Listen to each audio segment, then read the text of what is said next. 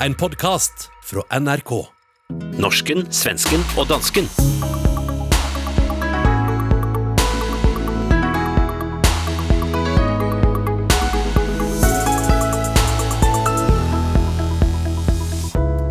Er nordmenn naive, spør tidligere dansk utenriksminister.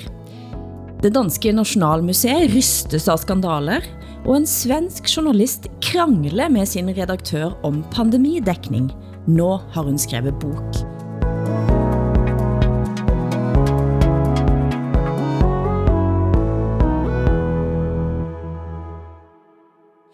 Velkommen til ukens runde med panskandinavisk familieterapi, og jeg hører rykte om at dere begge to er blitt kaldt ind til vaccine. Og du som ikke ville ha en gang også. Jag vill fortfarande inte ha något vaccin, men jag ska ändå vaccinera mig. Jag blev inte inkallad, utan jag har faktiskt ordnat det själv. En app som kraschar var femte sekund lyckades jag ändå komma in på och har då beställt en tid. Og Hassan, du også? Jamen, jeg synes, det er fantastisk, at man i Sverige kan blive vaccineret via en app. Her i Danmark, der skal vi, der skal vi gå hen, og så skal vi få et stik. ja, og, øh, og kron, kronprinsen, kronprins Frederik, har netop fået sit første stik her i denne uge, hvor øh, jeg også skal ind og stikkes i min arm. Øh, kronprinsen øh, vil ikke sige, hvilken vaccine han har fået. Øh, kongehuset, mm-hmm. øh, mm. kongehuset udtrykker, at det tilhører privatlivets fred. Mm. Øh, men jeg vil gerne sige, at jeg er blevet inviteret til at øh, modtage Pfizer-vaccinen. Jeg må indrømme, at jeg rett og slett blir ganske sur. Jeg, eh, vaccinebitter. Ja. Jeg har ikke hørt en lyd enda ifra nogen. Men heldigvis så bor jeg ikke da altså i en av de 309 kommunene, som nå faktisk må gi fra sig deler av vaksinene sine til Oslo. Mm -hmm. For hvis jeg havde gjort det, så tror jeg kanskje vi måtte have aflyst hele programmet. Mm.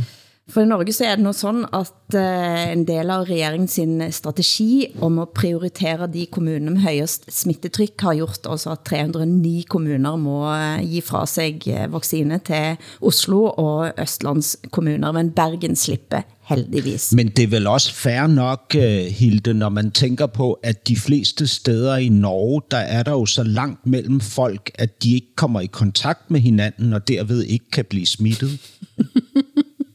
Altså et av de første fullvaccinerede stedene var jo kommunen Utsira, om jeg husker ret.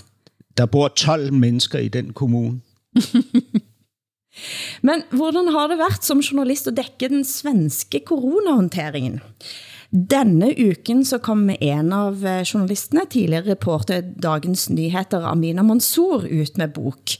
Din avis, også Aftonbladet, har trykket et utdrag, og hvad er saken? Ja, Amina Mansour hon eh, var alltså medicinreporter på Dagens Nyheter och eh, det var lite speciellt eh, eftersom Dagens Nyheter har en chefredaktör som heter Peter Wolodarski som varje söndag skriver en text på ledarsidan, alltså en politisk kommentator är han varje söndag. Mm. Och han har hela tiden varit väldigt kritisk till Anders Tegnell. Och han har velat att man ska ha, stänga ner hela Sverige och skolorna och sådär. Och Eh, hon upplevde då att det var svårt att förhålla sig neutral till chefredaktörens linje på, på nyhetssidan. Men framförallt så råkade hon ut för följande. Hennes man eh, gjorde en tweet där han är väldigt kritisk till Peter Wolodarskis eh, alarmism, pandemialarmism. Och det var en hård tweet och eh, Amina Mansour blev förtvivlad för att hon eh, var naturligtvis rädd att det här skulle drabba henne, vilket det också gjorde. Hon blev uppkallad till eh, personalchefen, avdelningen där, HR-avdelningen, och fick höra att om hennes man fortsatte på det här viset så skulle det innebära problem för henne. Det är alltså hans grundlagsskyddade rättighet att få skriva vad han vill och hon ska naturligtvis inte behöva ta ansvar för vad han gör. Men så blev det i det här fallet. Och hon har spelat in det här samtalet också. Det är egentligen ingen som ifrågasätter att det har hänt. Eh, och det här ställer ju saken på sin spets. Eh, hur, hur är det att vara reporter på en tidning som har en chefredaktör som så tydligt driver en politisk linje? Det är klart att det är en principiellt viktig fråga att eh, diskutera. Sett utenfra så var Peter Wolodarski en av de få medielederne som stilte kritiske spørgsmål til den svenske strategien i det hele tatt. Det gør det jo også interessant. Det, det gör det absolut intressant, men, men det är ju också principiellt eh, väldigt eh, speciellt att en chefredaktör också driver en egen linje, eller driver en linje överhuvudtaget. Mm. Eh, och jag tror att man eh, tänker högt om sig själv om man som reporter tror att man kan förhålla sig neutral till vad ens högsta chef faktiskt tycker och tänker. Och det försökte Amina Mansour göra. Och då, hon fick också höra att hon inte skulle... Alltså forskare som tyckte att hon gjorde ett bra arbete skulle hon inte få tacka offentligt och så vidare. Så att eh, man uppfattade hennes eh, pandemirapportering som problematisk på ett sätt som faktiskt ing, ing, ingen annan gjorde. Som journalist blir man ju fundersam över vad man hur påverkade vi blir av våra chefer helt enkelt? Den, den frågan tror jag man måste ställa sig alltid, men särskilt i sånt här fall när det ställs på sin spets. Men det er alligevel noget interessant eh, i det faktum, at eh, DN veldig længe var uh, alene med at være kritisk til den svenske håndteringen. Og jeg ser i den responsen, som man, mm, eh, denne boka til Mansour har, eh, fått, skriver Göteborg-posten blandt andet, at tidningens publisher Peter Wolodarski googlede sig til en helt egen linje i hvad Sverige burde gøre, og konsulterede aldrig sin vetenskapsjournalist. Han brøt vel mot to nok så klare svenske linjer her. Både at han eh, gik sin egen vej, og at han ikke konsulterte videnskapsjournalisten. Mm, det är, det är en bra sammanfattning, men också en, en egen väg i den meningen att man, att man försöker eh, alltså med eller, mer eller mindre hota en journalist för vad den, den personens familjemedlem har gjort. Det, det, det är ju faktiskt eh, det är ganska hårresande. Är det. Um, DN har jo haft tydelig politisk linje i mange spørgsmål. Vi har tidligere snakket om at de har hentet in Greta Thunberg som eh, redaktør. Ja, till exempel. Eh, det, det, vi pratade om det tidigare, att svenska medier är lite mer kampanj eh, glada för att maka, liksom göra kampanjer eh, på nyhetsplats eh, jämfört med vad ni är i Norge och Danmark. Mm. Mm. Det gäller alla tidningar skulle jag säga. Det blir også snakket fremdeles mye i Sverige om radioreporteren som hade ett forhold til en islamist, og hvad er sidste nyt i den saken? Ja, det, de stora nyheterna i Sverige just nu rör alltså journalistik. Eh, vad är oberoende journalistik? Och eh, ja, det, det, det nya här är att Sveriges Radio då ska, har tillsatt en intern utredning för att se om de har agerat rätt. Eh, och det är klart att det här har skadat Sveriges Radio eh, ganska mycket. Och jag, kan, jag lider faktiskt med Sveriges Radio det här eftersom jag minns hur det var när vi på Aftonbladet hade Virtanen Gate. Mm. Det var ett personalärende och det säger man också, Sveriges Radio i det här fallet också. Man vill skydda sin personal. Samtidigt som eh, mediehuset drabbas av en nyhet. Eh, det här är alltså personalärende som hela Sverige pratar om. Hur ska man hantera det? Hur ska man hantera det rent journalistiskt? Mm. Och eh, ja, det där är ju jätte, jättesvårt. Och det är, det är hemskt lätt att man gör fel från första början faktiskt. Jeg har fått med mig att reportern som lager saken i Doku, Sofie Løyenmark, har fortalt til SVT, at hun mottog trusler efter efter denne rapporteringen. Vad slags publikation är Doku? Ja, Doku är ju en sajt som enbart ägnar sig åt att eh, kartlägga islamism och hur svenska medier förhåller sig till, till eh, den frågan, kan man säga. De har, man skulle kunna säga att de har spetskompetens på det. Man skulle också kunna säga att de är, är är lite endimensionella. Men det är klart att det här var ett viktigt avslöjande. Jag ska mm. också säga att den reporten på Sveriges Radio som, som inledde en, en relation med den här misstänkta, misstänkta säkerhetshotet, terroristen. Mm. Det är en, en väldigt duktig journalist som trampade helt snett därför att kärleken är blind. Mm. Hon har också utsatts för enormt många, mycket hot. Så det, det är ju rätt eh, ja, det är rätt läskiga krafter i rörelse från båda sidor här. Og Sveriges Radio har nu også sat ned en egen intern granskning for at se nærmere på sin håndtering av saken, efter at DN afslørte at SR-journalisten havde forhold til den omtalte islamisten i et halvt år, før hun sluttede i Sveriges Radio. Mette Fredriksen i kovending, skriver Berlingske denne uken. Den danske statsministeren har nå snudd i saken om de danske IS-kvinderne og barna deres. Fortæl, Hassan. Ja, jeg sidder bare lige og, og tænker over det, vi er i gang med at tale om med medierne, øh, og, og, og synes mm. bare, altså det er, jo, det er jo interessant, fordi der er jo ligesom i medierne indbygget nogle alvorlige problemer, ikke? fordi medierne er jo også en magtinstans, ikke? Og, og enkelte medlemmer af mediestanden kan være enormt ekstremt magtfulde, ikke? Bør de kunne gemme sig bag begrebet personalesager, eller skal de stå til regnskab, ligesom ministre og embedsmænd, men ved, nav- ved, ved eget navn, ikke? Altså ved navnsnævnelse. Det synes jeg er et, et meget centralt spørgsmål, som vi jo bliver Altså, medierne øh, kræver nogle gange en særstatus ikke, i de her øh, spørgsmål. Og så det andet er jo det her forhold mellem medarbejder og chef inden for de her institutioner, medieinstitutioner, som fortæller narrativer om os alle sammen. Ikke? Jeg ved, jeg har været ansat flere steder, jeg ved, hvor hurtigt jeg bliver afhængig af, af det sted, jeg er ansat, og mine chefers øh, velvillighed i forhold til mig. Og jeg, jeg, jeg kan garantere, at der går ikke mange døgn fra jeg er blevet ansat et nyt sted, til jeg begynder at bøje mine holdninger og meninger for at tilpasse mig det sted, jeg er, for ikke at få problemer, øh, men derimod få privilegier. Ikke? Altså, det er, det er tendensen. Ikke? Det kan godt være, at jeg, at jeg er alene om, at være en luder, som det hedder. Du pratar, du pratar för alla människor i hela världen just nu, tror jag faktiskt. Så her er det. Jeg husker at det, dette skal sikkert ikke med, men, men jeg bare satt og tænkte på, hvordan har jeg været? og en av mine første uker som frilansjournalister havde akkurat fået en kontrakt uh, i Bergens Tidende, så tramper jeg ind på chefredaktørens kontor og sa, du driver denne avisen som om du sælger mælk om det var mælkekartonger du skulle sælge. Så det, jeg, jeg, tror, jeg, tror, jeg, tror jeg var lidt mindre, lidt mindre lojal, Hassan. Det er muligt, det var grunden til at jeg aldrig fik fast jobb heller.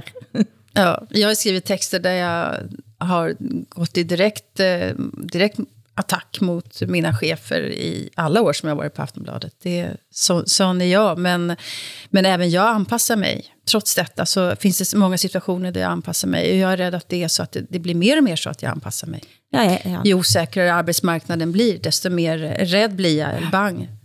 Det tror jag också. Så det, och, eh, då, då är vi ändå människor som har ganska stor makt i oss själva. Tänk alla som saknar plattformar eller självförtroende överhuvudtaget att säga från. Så det Hassan väcker den frågan här, den är ju helt reell och jätteviktig. Mm. Mette Fredriksen i kovending skriver Berlingske denne uken. Den danske statsministeren har nå snudd. Ja, ja, og det læner sig jo lidt op af det, vi taler om, ikke? fordi Mette Frederiksens øh, chefer er jo vælgerne, kan man sige, dybest set, eller måske støttepartierne. Ikke? Mm. Øh, I hvert fald så er der sket det, at hun øh, med regeringen bag sig, og dermed Socialdemokratiet, har foretaget en, øh, en, en total vending i spørgsmålet om øh, de danske mødre og deres børn i de syriske fangelejre. Dem vil de nu hjemtage øh, regeringen til Danmark. Øh, og det kommer jo bag på alle. Øh, at de har besluttet sig for at gøre det. Øh, regeringen argumenterer med, at der er kommet nye informationer om øh, det, den potentielle trussel, der er ved at lade dem sidde, og om børnenes øh, helbredsmæssige øh, situation. Men det passer simpelthen ikke. Der er ikke kommet nye informationer. Altså, øh, øh, den tidligere chef for, for efterretningstjenesten i Danmark siger, at man har hele tiden kunnet sige sig selv, at risikoen var mindre ved at hente dem hjem, og at det derfor ud fra en sikkerhedsmæssig betragtning ville være det rigtige at gøre. Børnene udgør ikke nogen trussel, og den trussel møderne ville kunne udgøre, kan lettere håndteres, når de er i Danmark. Der er intet nyt man siger så, at forholdene i lejrene gradvist er blevet værre, men det er jo også kendt, siger han altså Jakob Scharf, ikke? og gennemholder dermed regeringens argument for at have foretaget den her kovinding. Ikke? Og det får os jo i Danmark til at spekulere i, hvad der så kan have ført til, at Mette Frederiksen nu har truffet en ny beslutning. Og der går øh, rygtet i gangene går ligesom på, at regeringen har været direkte truet på sin eksistens fra sine støttepartier. Ikke? Måske selve regeringen, måske enkelte ministre. Man kunne forestille sig, at Jeppe Kofod, udenrigsministeren, har været udsat. Øh, måske endda justitsministeren også. Ikke? Jeppe Kofod er mildest talt upopulær blandt øh, støttepartierne. Ikke? Så, øh, så jeg vil sige, min konklusion er, de her øh, tre kvinder og deres øh, 14 øh, børn bliver hjemtaget øh, på grund af øh, regeringens ønske om at blive magten og intet andet. Mm. Og vi kan høre et utdrag fra utenriksminister Jeppe Kofods pressekonference tidligere denne uken. Sundhedstilstanden er generelt dårlig og bekymrende. Fortsat ophold vil forringe børnenes øh, behandlingsmuligheder og prognose i væsentlig grad – der er ikke adgang til den fornødne udredning og behandling lokalt i lejrene. Regeringen har på den baggrund besluttet at tilbyde at evakuere de 19 børn, som er omfattet af taskforcens arbejde. Det har ikke fått konsekvenser for Sverige også. Jeg har sett at uh, i Sverige så siger han at den danske beslutningen, det kommer ikke til at betyde noget for den svenske beslutningen. Nej, alltså Sverige är helt hopplös i den här frågan. Man förstår inte alls vad regeringen har för linje mer än att de verkar inte vilja göra någonting faktiskt. Det är ju många, många, många svenska barn som sitter där nere och kvinnor som, mm. som är Sverige livrädda för den där frågan.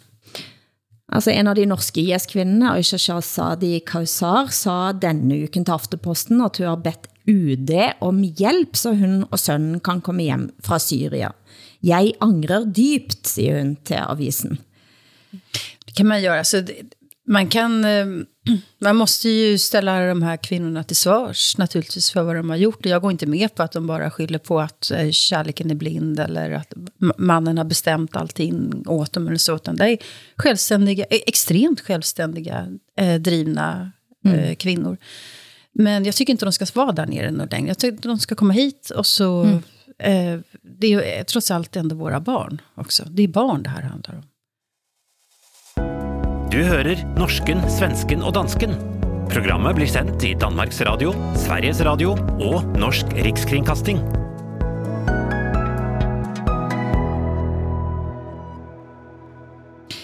Men i familieterapiens navn. Jeg tror vi snakket lidt forbi hverandre i forrige uke Åsa, i diskussionen vår om graden og form for nationalisme i de tre landene våre. Og jeg hørte at du blev berørt, og hvad var det du reagerede på? Ja, det blev syskonbråk på riktigt här i vår familjeterapi. jag, jag reagerar på något som eh, var ett missförstånd. Jag trodde att Hassan beskyllde mig för att vara nationalist. eh, och det tyckte jag var fruktansvärt orättvist. Och, då, och jag tänker så här, om inte jag förstår vad Hassan säger, hur många lyssnare förstår vad Hassan säger? hur många av norrmännen och danskarna förstår vad jag säger? Jag tyckte det var orättvist det som jag trodde att Hassan sa, för jag håller ju inte ens på Sverige fotboll. Eh, och jag blir ju i, i Sverige anklagad för att jag inte försvarar Sverige i den här podden, utan att jag hela tiden pratar skit om Sverige. Det är vad jag får höra. Eh, men eh, vad bra att det var ett missförstånd. Med det vill jag sagt att jag tror att jag har ganska starka känslor för Sverige rätt ofta faktiskt. Och att man inte märker det själv.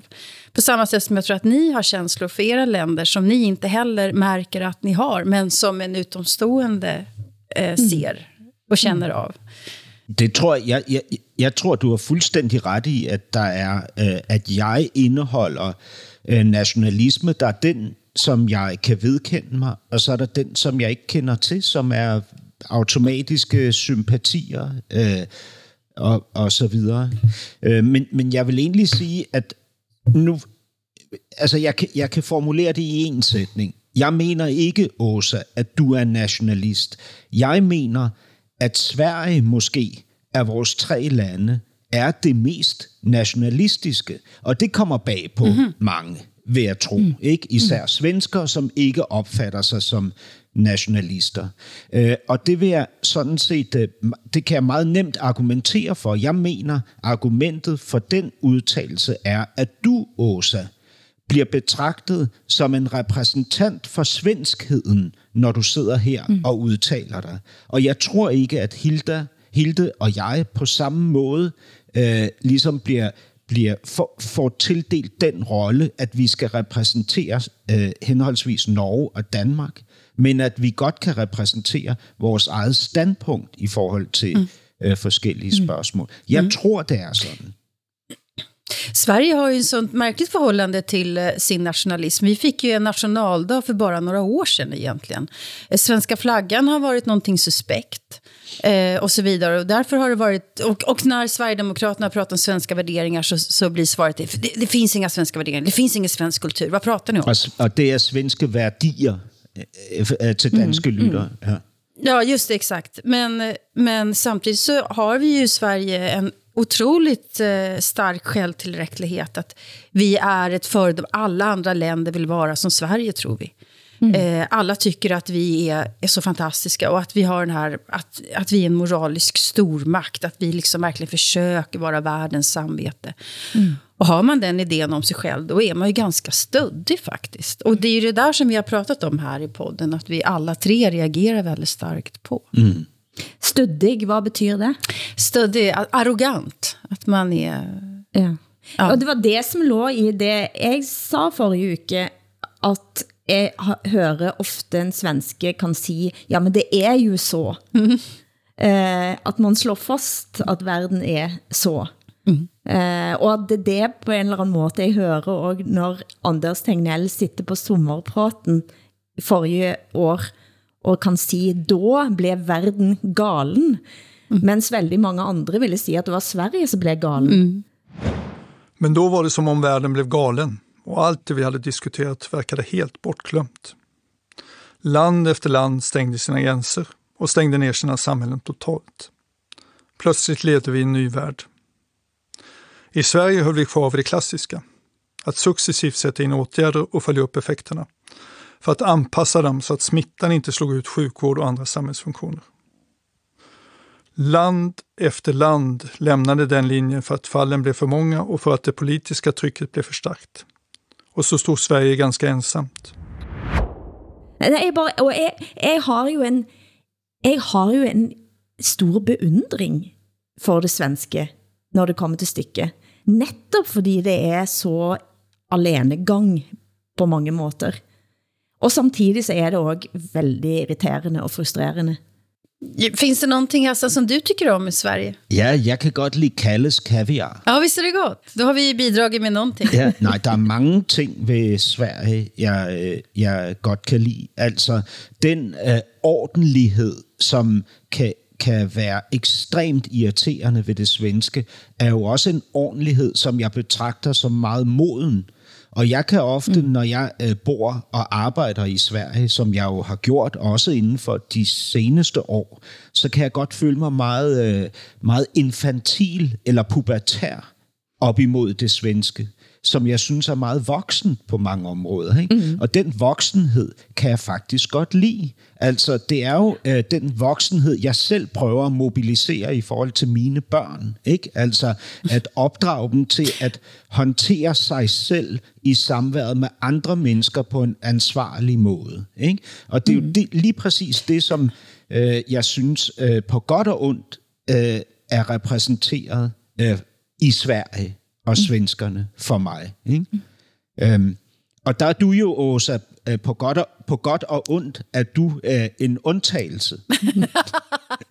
men jag tänker när ni pratar om Sverige på det viset så jag förstår jag vad ni menar, men jag tänker också att det är det här som är just det lite, nu säger jag ett svenskt ord här som inte funkar att se, det tråkiga, det leje. Mm. Med, Vanskliga och, och ja, krångligt. Ja. ja, eller bara, åh, vad, kan de inte vara lite happy happy i Sverige? Kan de vara lite glada, lite avslappnade, lite, lite sköna och najsa någon gång? Måste de hela tiden vara så stiffa? kan jag tänka. Mm. Denne uka så fejrer vi nationaldagen vår 17. maj her i Norge. Den mest nationalistiske fejringen i Skandinavia, eller... Og den norske fejringen av 17. maj var tema i forrige episode av den svenske podcasten Radio Bulletin med lederskribent Per Gudmundsson og Dan Korn. Du vet vad som händer på måndag? Uh, Kristi himmelsfärds tredje dagen. Ja, men det är 17 maj jo. Ja. Det är Norges nationaldag. Och det är nog helt annorledes än, än svenska flaggans dag som det är som det är feirer i Sverige vet du. Mm. Att jag är faktiskt född som norsk medborgare. Jaha. När jag föddes så var min pappa norsk medborgare. Och jag tänkte vi skulle prata om hans relation till Norge och det som säger, jag, den norske nationalismen. Den norska nationalkänslan som är lite annorlunda än den svenska. Jag tror att du som dalkar, du känner igen mycket av det här. För att i Dalarna har ni mycket av den här eh, lite eh, mera stolta eh, inställningen till det egna, till den egna identiteten. Så. Ja, den är så stolt så att den gränsar till inskränkthet skulle jag vilja påstå i Dalarna. Ja. I Dalarna är det ju så att man, att man gärna utgår från att Dalarna är världens centrum. Men, men, men det är sant, vi skäms inte för att vifta med, med flaggan, det gör vi inte.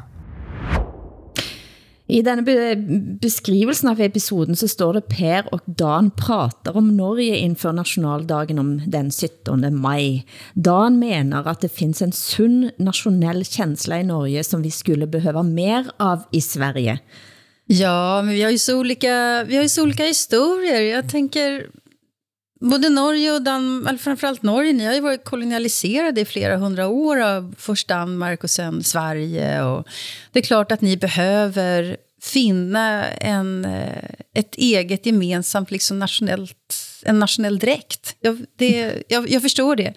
Den är så, jag tycker att den är harmlös, den, den norska nationalismen. Den är, den är pen på något vis, är den. Um, jag, jag önskar också att vi i Sverige, liksom Danmark med sin Dannebroge, det är, så, det är också något... Uh, för mig utifrån finns det inget aggressivt i det här hos er överhuvudtaget. Ni har ett gemensamt öde som också var inblandade i andra världskriget, ockuperade, medan vi i Sverige höll oss utanför. Och det har vi skuldkänslor för, och så försöker vi nu mm. ha ett världssamvete istället. Men det er jo familieterapi, så hvad er bedre end at hente ind en psykolog? Hedvig Montgomery er blitt en slags kendispsykolog i Norge de sidste årene, men hun er egentlig svensk. Nylig så blev hun portrættintervjuet i programmet Drivkraft på NRK, der hun blev spurt om hvad som er forskellen mellem våre to naboland. Er vi veldig forskjellige, nordmenn og svensker? Ja, utvilsomt. Vi er det? Ja, veldig. Og mye mer enn det vi tenker. Og jeg syns det er litt fascinerende, fordi jeg savner det svenske Altså ikke bare maten og luktene, eh, som jeg selvfølgelig savner. Hvilken mat da? Åh, Vesterbottenost, pai. Eh, sjømaten er annerledes. Bruken av dill. Det er så mye som er annerledes i det svenske kjøkkenet. Men jeg savner også ryddigheten. Eh, forståelsen av kompetanse. Eh, linjene. Eh, men på dag fire så skjer det noe. Da begynner det å irritere meg. Den der litt sånn korrektheten, litt ovenfra og nedheten, litt uh, At man skal finne sin plass og forstå denheten. At alle sammen klipper trærne sine på samme måte i samme gate. Sånne småting som, som jeg ikke tenker på det når jeg har de første tre dagene, men som jeg så tenker åh, nå blir det godt å komme hjem til Norge. Sag, sagde hun, at hun savner lugten af svenskerne? det sagde hun. Men ellers er jo dette noget, du kunne sagt, eh, Hassan. Jo, ja, ja, ja. Ja, det er ryddigheten og ryddigheten og ordentligheden. Nej, og... men ja, altså jeg synes jo, ryddelighed og ordentlighed er, er skønt, fordi jeg er neurotisk, ikke? Men, men det er sådan set, altså det er jo mere sådan, hvad kan man sige, modenheden. Altså det der med, at, mm. at man lærer at regulere sig selv mm. i samspillet med sine omgivelser, ikke? som jo også kan komme over, og det er derfor, jeg siger på godt og ondt. Ikke? Det er jo en, et, had og en kærlighed til Sverige på baggrund af præcis det samme fænomen. Ikke? Mm. Men det är därför vi tycker så mycket om att vara in, i Danmark, tror jag, vi svenskar. Därför att där är det väldigt högt i tak. Altså, det må, for en svensker må det jo være som at tage til en teenagefest og tage til Danmark. Ikke? At, at alle er teenager her. Ikke? Det, det stämmer absolut. Men jag tror också att vi tycker väldigt mycket om eh, Norge för att Norge är så förlåtande. Norge är ett väldigt snällt land, tror jag vi tycker i, i Sverige. In, inte oskuldsfullt, men, men vän, det är vänligt. Mm. Ett vänligt land. Ja. Och det är, inte, det är inte Sverige på samma sätt. Sverige är ganska hårt, eh, snobbigt, stressigt. Tycker jag i alla fall. Forrige uke ble Eid markert med en helaftens specialsending på norske NRK. Det vakte reaktioner fra Danmark. Chefredaktør og administrerende direktør for A4 Medier, Christian Madsen, twitterer NRK kører helaftens Eid-flade på hovedkanalen. Det ville næsten været utænkeligt på DR, i hvert fall give en pokkers ballade. Kunne det ikke skjedd i Danmark, eh, Hassan? Jamen, det skete jo øh, i øh, 2012 øh, senest, og det skabte en pokkers ballade. Ingen tvivl om det. Ja. Altså selv øh, næstformanden i Danmarks Radios egen bestyrelse var ude med en ekstremt hård kritik af det her øh, ramadan-arrangement, eller Eid-festen, som, øh, som blev afholdt dengang. Så det er der øh, ikke nogen, der gør igen. Det er jeg fuldstændig overbevist om. Mm. Øh, men Mette Frederiksen har været ude og ønske alle danske muslimer en god Eid-fest. Øh, og det har hun gjort i et opslag øh, på øh, Facebook. Det er et afsindigt langt opslag, fordi det er sådan, at det faktisk kun er de første få sætninger, som ligesom omhandler Eid. Resten handler om udlændingepolitik. Øhm, og, øh, og så hun har ligesom brugt øh, øh, Aid som, øh, som trojansk hest til at øh, tale til ikke kun øh, baglandet, det socialdemokratiske bagland, men også alle landets muslimer. Vad intressant. I Sverige så hade vi redan 2008 eh, halal-tv i SVT. Det var tre kvinnor med slöja som var, som var väldigt religiösa som hade det här tv-programmet. Och det blev ju jättekritiserat. Eh, bland annat så var det en kvinna där som försökte förklara poängen med stening inom sharia. Eh, hur som helst, de tog dit gäster och en av de gästerna som de tog dit i sitt program var Jimmy Åkesson. Samtidigt som alltså den antirasistiska rörelsen säger vi ska inte släppa in dem, vi ska inte prata med dem, vi ska hålla dem borta, så tog de dit Jimmy Åkesson. Och två av kvinnorna vägrade ta Jimmy Åkesson i hand. Han gjorde ingenting av det, han gjorde ingen sak av det. Och sen så ställde hon rätt tuffa frågor till honom. Så här i efterhand när jag tittade på det så tycker jag det var rätt bra tv faktiskt. Mm. Men eh, det skulle de ju aldrig göra om SVT idag, det tror jag inte. Altså, det fantes stemmer i Norge som prøvde at lage lidt ballade, eh, også rundt Eid-sendingen her, men ikke så veldig mange. Eh, og jeg tænkte, da jeg så 17. maj-sendingen bare tre dager etterpå, at eh, Eid-sendingen kanskje var en måte at give os en god samvittighed på, sådan at vi virkelig kunne slå ut hår og vælte os i nationalfølelse 17. maj. Eh, men noget af det, som faktisk også var interessant, det er at på 17. maj, så var de stærkeste meldingene, jeg så eh, på mine Facebook og andre sociale mediekanaler, det var eh, mennesker med minoritetsbakgrund, mm. som skrev de nydeligste 17. maj-talene, og flere havde skaffet sig bunad, den nationaldrakten, som dere elsker at håne mig for at ha. og, og, de, og de skrev at det, denne drakten gav de en stærk og uventet følelse av tilhørighed. Mm. Og der fik det mig til at tænke, at kanskje ved at vise en trygghed i sin egen nationalfølelse, så kan man både ha eid TV, og man kan gå med bunad. Det är jättepoäng. Och den tryggheten ja. gör också att folk som kommer hit kan känna sig trygga. Det tror jag också. Man, man förstår vad man har att förhålla sig till och sen kan man anpassa sig eller försöka omförhandla det där kontraktet. Men man förstår ändå vad det är, vad det är för någonting. Er det, er det en slags karneval? er, er, er, det, er det sådan en udklædnings... Føles det som en udklædningsfest? Nej, det, det, det føles eh, mærkelig eh, s- højtidelig. Eh, og den følelsen at ta på sig nationaldrakten, og tre i alle disse sølvsakene og søljene og, og, og alt, det giver en eller anden form for tyngde i kroppen, som er ganske speciel. Mm. Øh, øh, Den der sølvdolk, s- Silverkniven, Skal- ja. Den sitter jag också och funderar på. skal, ja. skal man have en våbentilladelse for at gå med den på den 17. maj? Nej, Nej. nej. Må, må man gå med den den 18. maj også? Må, må, må man gå med kniv i Norge, hvis det er en, en, en silverkniv? Nej, det kan man ikke, men hvis jeg tar på mig eh, nationaldrakten øh, på 18. ma- maj og går gennem byen, så har jeg fremdeles med mig min lille silverkniv. Då kan du nog behöva den kanske. Det er spændende. Du hører norsken, svensken og dansken i SR, DR og NRK.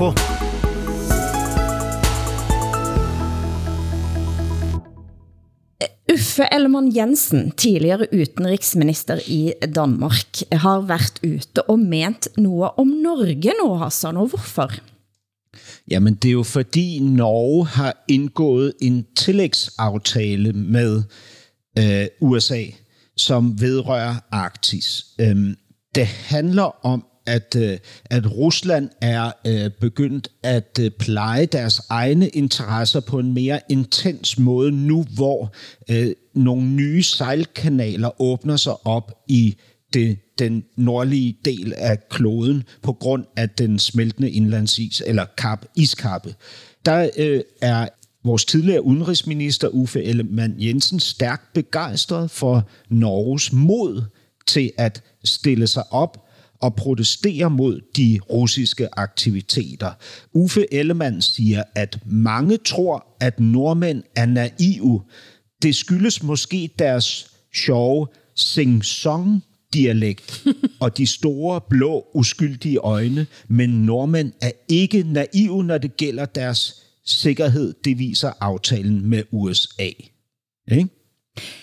Det rummer et klart budskab til Moskva, siger han. Eh, Og det selvfølgelig er jo det fra norsk side det er urovækkende at se både, synes jeg, at eh, USA klapper en atomubåt til kajs i Tromsø, og eh, responsen fra russerne, som kan være ganske så truende. Eh, Det er sagt eh, flere ganger, at eh, i en tredje verdenskrig er Norge det første offer.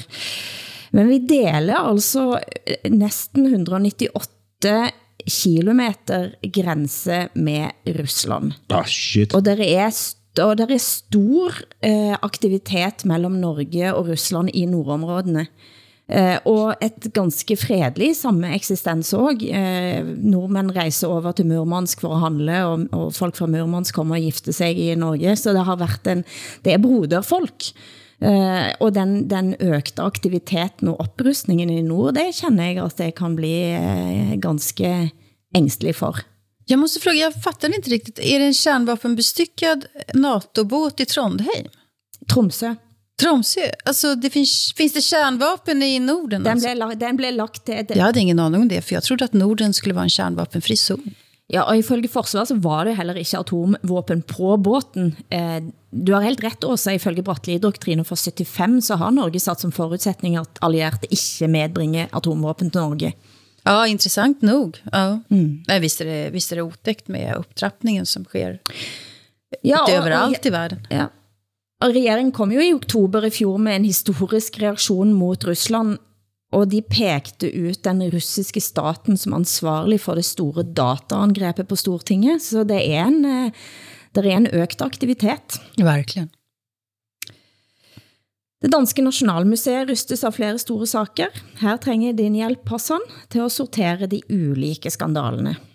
Ja, altså, øhm, der er kommet en undersøgelse frem, øh, hvor det viser sig, at vidensarbejderne på Nationalmuseet er ekstremt utilfredse med ledelsen. Øh, Rane Villerslev er jo den farverige og markante direktør for vores Nationalmuseum, der er blevet lavet øh, dokumentarserier om ham på tv, øh, og der er blevet skrevet bøger om ham osv.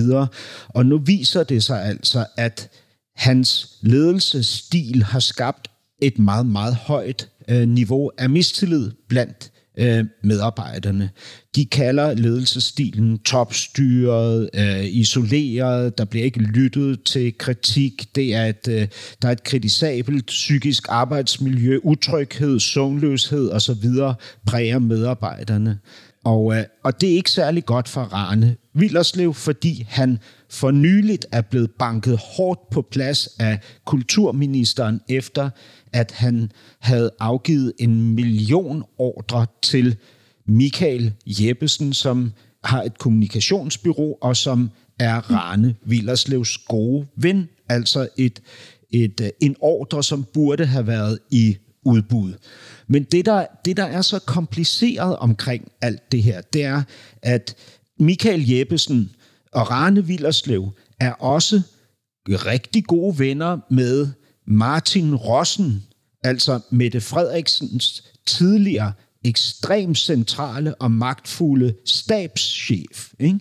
Så der foregår et eller andet virkelig, virkelig sært herinde øh, omkring det her øh, magtspil øh, og den her institution, som Nationalmuseet er. Ikke? Og jeg kan ikke finde ud af, hvad det er, men jeg, jeg giver mig jo til at spekulere, øh, og min paranoide hjerne konstruerer jo altid øh, en eller anden konspiration, og jeg mener i dette tilfælde, at konspirationen er, at Nationalmuseet og Rane Villerslev til gengæld for støtte og tilskud og magt og så videre, har givet Socialdemokratiet nationalfortællinger inde på museet om velfærdsstat, om foreningsdanmark og dermed om Socialdemokratiets kæmpestore succes op igennem det sidste århundrede. Det høres næsten ud som en konspiration. ja, men selv den paranoide kan være forfulgt. Ja. Mm-hmm. Men det er jo ikke bare det, det er jo ikke den eneste museumsskandalen eller museumsdiskussionen i Danmark for tiden. Nej, der er også en diskussion om øh, Statens Museum for Kunst, som netop har åbnet en enormt stor og meget spændende øh, udstilling i udgangspunktet om, om øh, Kirchner og Nolte, altså to kunstnere, som begge to, især Nolte, har haft meget tvivlsomme relationer. Nolte viser jo at være i hvert fald have nazistiske sympatier, om ikke han lige frem var nazist. Ikke? Øh, men det, der er så vildt med denne her udstilling nu her på Statens Museum for Kunst, nu har jeg ikke selv været inde og se den, jeg har kun læst de anmeldelser, der har været, det er, at hvis man vil ind og se denne her udstilling, så skal man regne med, at man bliver stopfodret med informationer, som skal sikre en mod på nogen som helst måde at føle sig krænket, men også at tænke selv. Ikke? Øh, man tager simpelthen museumsgæsterne i hånden, og så opdrager man på dem for fuld smadre via plancher og tekster, som skal øh, hvad hedder det, forklare, hvad der er rigtigt og forkert og godt og ondt osv. Og, og altså nu, ja, man skal jo ikke altså afholde sig for at opsøge noget på grund af dårlige anmeldelser. Men det her giver mig lyst til at blive langt væk fra, fra Statens Museum for Kunst, ikke? fordi jeg mener, at det netop ikke er det, kunsten skal anvendes til. Vi har samma uh, diskussion i Sverige, eller jag önskar att vi diskuterade det mer, men, men i Sverige så är många statliga museer underkastade någon slags postkolonial teoribildning. Eh, vilket gör att att man hela tiden måste tala om för betraktaren det här vad, vad man ska tänka. Eh, och tankarna måste leda i rätt politiskt korrekt riktning, helt enkelt.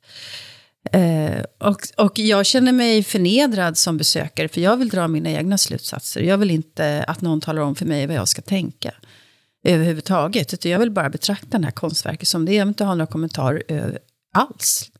Uh, I øvrigt så, hvis jeg bare lige må nævne, fordi det, det læner sig op af det samme. Ikke? Så har øh, Nationalmuseumsdirektøren øh, Rane Villerslev, som jeg nævnte for et øjeblik siden, har en tvillingbror, Eske Villerslev. Han er det var derfor jeg blev forvirret, for at Villerslev-navnet dukker op i alle sakene, så jeg blev rett og slett forvirret. Ja, men sådan har vi det også i Danmark, Hilde, så du er ikke den eneste, der bliver forvirret. Vi tænker også, at dette Villerslev-navn dukker op i enhver sammenhæng. Øh, men her er det altså Eske Villerslev, som er genforsker, som tidligere, for ikke så længe siden, har været ude i en shitstorm, fordi han blev anklaget for racisme, der hvor han underviser på sit universitet i Cambridge. Ikke?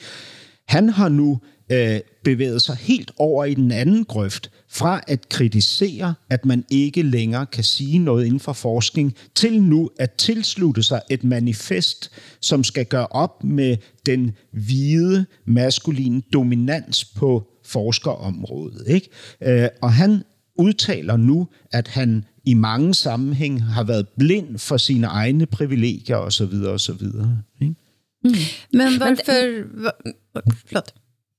Nej, men, men altså, jeg tænker jo, at dette er, sker på kunstens område, og bare for at smette ind en norsk eh, sak, som ikke er fra kunstgalleriene eller kunstmuseerne, eh, så kom det for en tid eh, tilbage ut en ny bok om Knut Hamsun. Mm. Eh, som jo vi alle vet var nazist. Eh, Ståle Dingstad, som har forsket på Hans, Hamsun i, i årvis, og, og har tidligere været eh, veldig optaget av at man må kunne læse Hamsun som kunstner, altså som litterat, mm. så skriver han i boken Knut Hamsun og det norske holocaustet en historie, der konklusionen er, at man kan ikke nå længere læse Hamsun uten gennem dette filteret. Mm. Altså, hvad skaber det i dig av følelser, hvis du da faktisk skulle komme til at like et værk av Emil Nolde eller av Knut Hamsun? Jamen, det, det er jo selve kunstens spørgsmål, Hilde, du stiller. Det kan vi jo ikke svare på her i vores eh. Nej, men, det, men poenget er, at den, det, som, det som du fortæller om udstillingen på, på Statens Museum for Kunst, eh, og Ståle Dingstad sitt verk, siste verk om Hamsun, det fortæller os, at vi kan utelukkende se det gennem dette filteret. Og det er det, jeg synes er det store problemet selvfølgelig. Jamen det store... Eh, fordi, fordi hvis man... Ja, ja. Jo, men prøv at høre. Hvis nu vi kunne trænge ind i hjernerne på de her øh, ledere af vores kulturinstitutioner, som har truffet de her beslutninger på et eller andet tidspunkt, ikke? så vil jeg gå ud fra, at vi kan konkludere, at det ikke handler om, at de mener, at kunsten kun kan betragtes på en måde. Det her, det handler om, at de er helt vildt bange Altså, de er jo redselslagende for at miste deres positioner, for at blive cancelled, altså kritiseret sønder sammen, øh, få, få en shitstorm for at lægge hus til racisme eller nazisme, eller hvad det nu end er. Ikke? Og at, at vi andre så skal bokse med deres perspektivering, ikke? det er jo i virkeligheden, at vi skal bokse med deres frygt, som de ikke selv tør tage hånd om. Ikke? Og det, det er jo det forstemmende ved det her. Ikke? Katrine Krøger, som er litteraturkritiker i Dagblad, skrev i sin anmeldelse, litteraturprofessoren, altså Ståle Dingstads dogmatiske læsning gir associationer til diktaturers censurering av samfundsmæssig usund kunst. Og det er jo også det, man tænker altså øh, på den, for eksempel den kinesiske kulturrevolution, ikke? hvor alting ligesom skulle tilrettes til bestemte øh, øh, betragtninger. Men framförallt om vi, om vi kräver att eh, författare ska vara fulländade och alltid stå för bra och goda saker, så, så det så ställer vi helt omänskliga krav. Eh, vi, framförallt så ställer vi enorma krav på oss själva. För det kräver, det kräver att vi också ska vara det då. Ja. Att, att vi ska vara perfekt. Läsaren ska också vara perfekt. Läsaren ska heller aldrig ha fel i någonting. Så, så ser inte ett levande liv ut och så ser inte skapande processer ut heller. Ja, och det, och det, och det, och, ja, det är riktigt. Och man, man, man, man, man kan ta avstånd från eh, Knut Hamsuns eh, nazistiska eh, projekt. För det, det var en av de bästa böcker som jag läst. Som Hamsun skrev ju eh, Tore Rem för några år sedan. Den är fantastisk. Men man kan också tycka om och njuta av Markens gröda eller Sult till exempel. För det är stor litteratur. Ja, og så, og så er det jo også, det, det, altså det, jeg bliver allermest rasende over, ikke, det er, at vi tror, at vi ved at placere ondskaben i hænderne på Nolde eller Hamsun, kan fjerne den fra os selv. Ikke? Men virkeligheden var jo, at nazismen var, var almen menneskelig. Den var bredt udbredt i 30-tallet, både i Danmark, Norge og Sverige. Ikke? Det vil sige, det var almindeligt, at man havde nazistiske tilbøjeligheder. Ikke? Og det vil sige, hvis, den var, hvis det var sådan på det tidspunkt, så kunne det være, at det sker igen. Ikke for fremtidens Hamsun og fremtidens Nolte, men for fremtidens Hassan, Åse og Hilde, samtidig, fremtidens øh, dansker, nordmand og svensker. Ikke? Vores os alle sammen kunne det ske for igen. Ikke? Men det vil vi gerne lukke øjnene for. Så vi lægger ondskaben over hos ham der, og ham der, og hende der, og dem derovre. Ikke? Det har længe været lidt uklart øh, for øh, mig og for os, hvad den danske Men in Black-bevægelsen egentlig er, og hvad de står for. Men nu har de trykket op et 19-siders manifest. Og hvad står det at læse der, Hassan? altså, nu vil jeg spare jer for at læse 19 sider op på dansk. Øh, der vil sikkert opstå misforståelser, øh, men Men in Black siger, at der er behov for os, fordi der ikke er andre folkelige bevægelser. Vi samler folk, som har fået nok. Men så siger de også, at de vil fortsætte at være relevante, indtil der er en nordisk union. Mm-hmm. Øh, og så, så bliver Men in Black spurgt, om, om de vil have Danmark ud af EU. Og så siger Men in Black, det kan godt være, hvis det er det, vi bliver enige om med vores nordiske lande. Oh, kanske det är faktiskt vi som står bak detta. Just det. Det är klart vi måste kämpa för en nordisk union, jag vill i alla fall. Men vad jag funderar över rent strategiskt för Men in Black, om de skriver ett manifest på 19 sidor, är inte risken då att det blir så tydligt vad de vill så att folk eh, träcker sig därifrån, drar sig där bort, bort ifrån, att det är ett misstag? Om man tar de gula västarna till exempel i, i Frankrike, inga, inga jämförelser de här rörelserna på något sätt. Men när de samlade sig till ett manifest, då, då, då började folk plötsligt, jaha, de vill det här, det här, det här.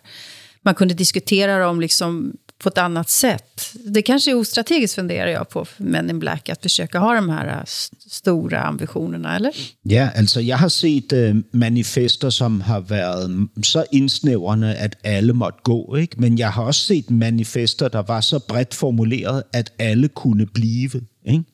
Altså, mm. Ja, det, man måste ju göra det brett, annars så är man för ambitiös så tror jag att man gör bort sig. Faktiskt.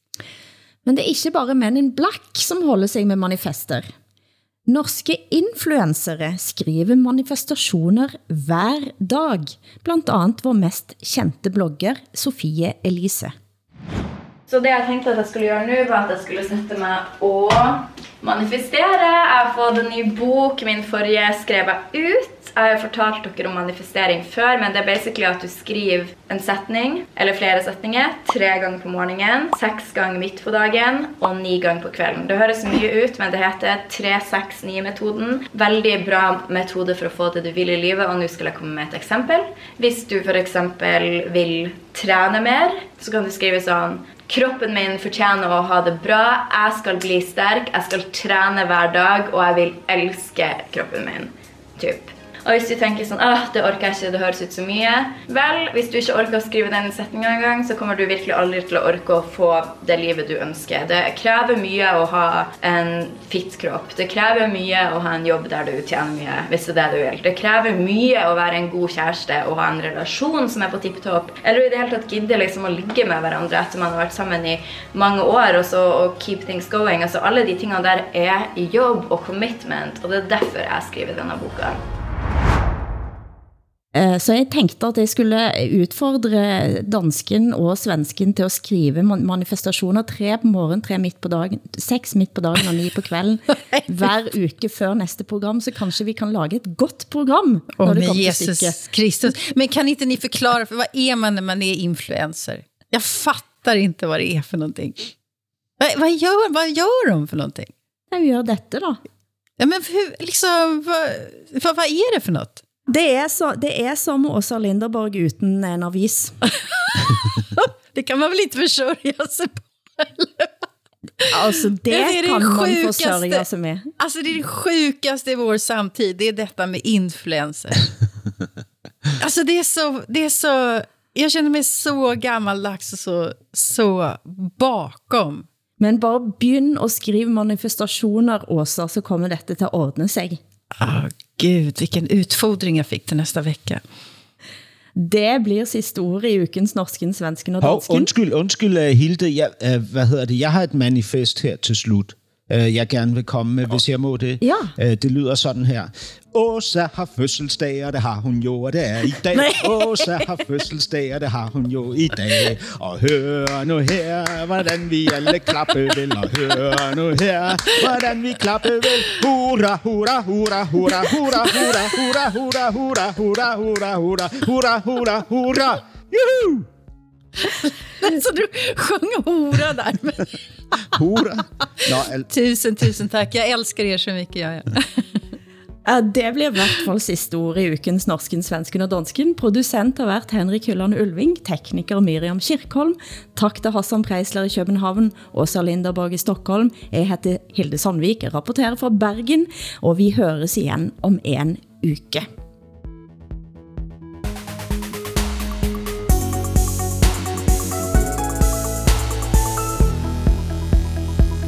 Du har hørt en podcast fra NRK. Hør flere podkaster og din favorittkanal i appen NRK Radio.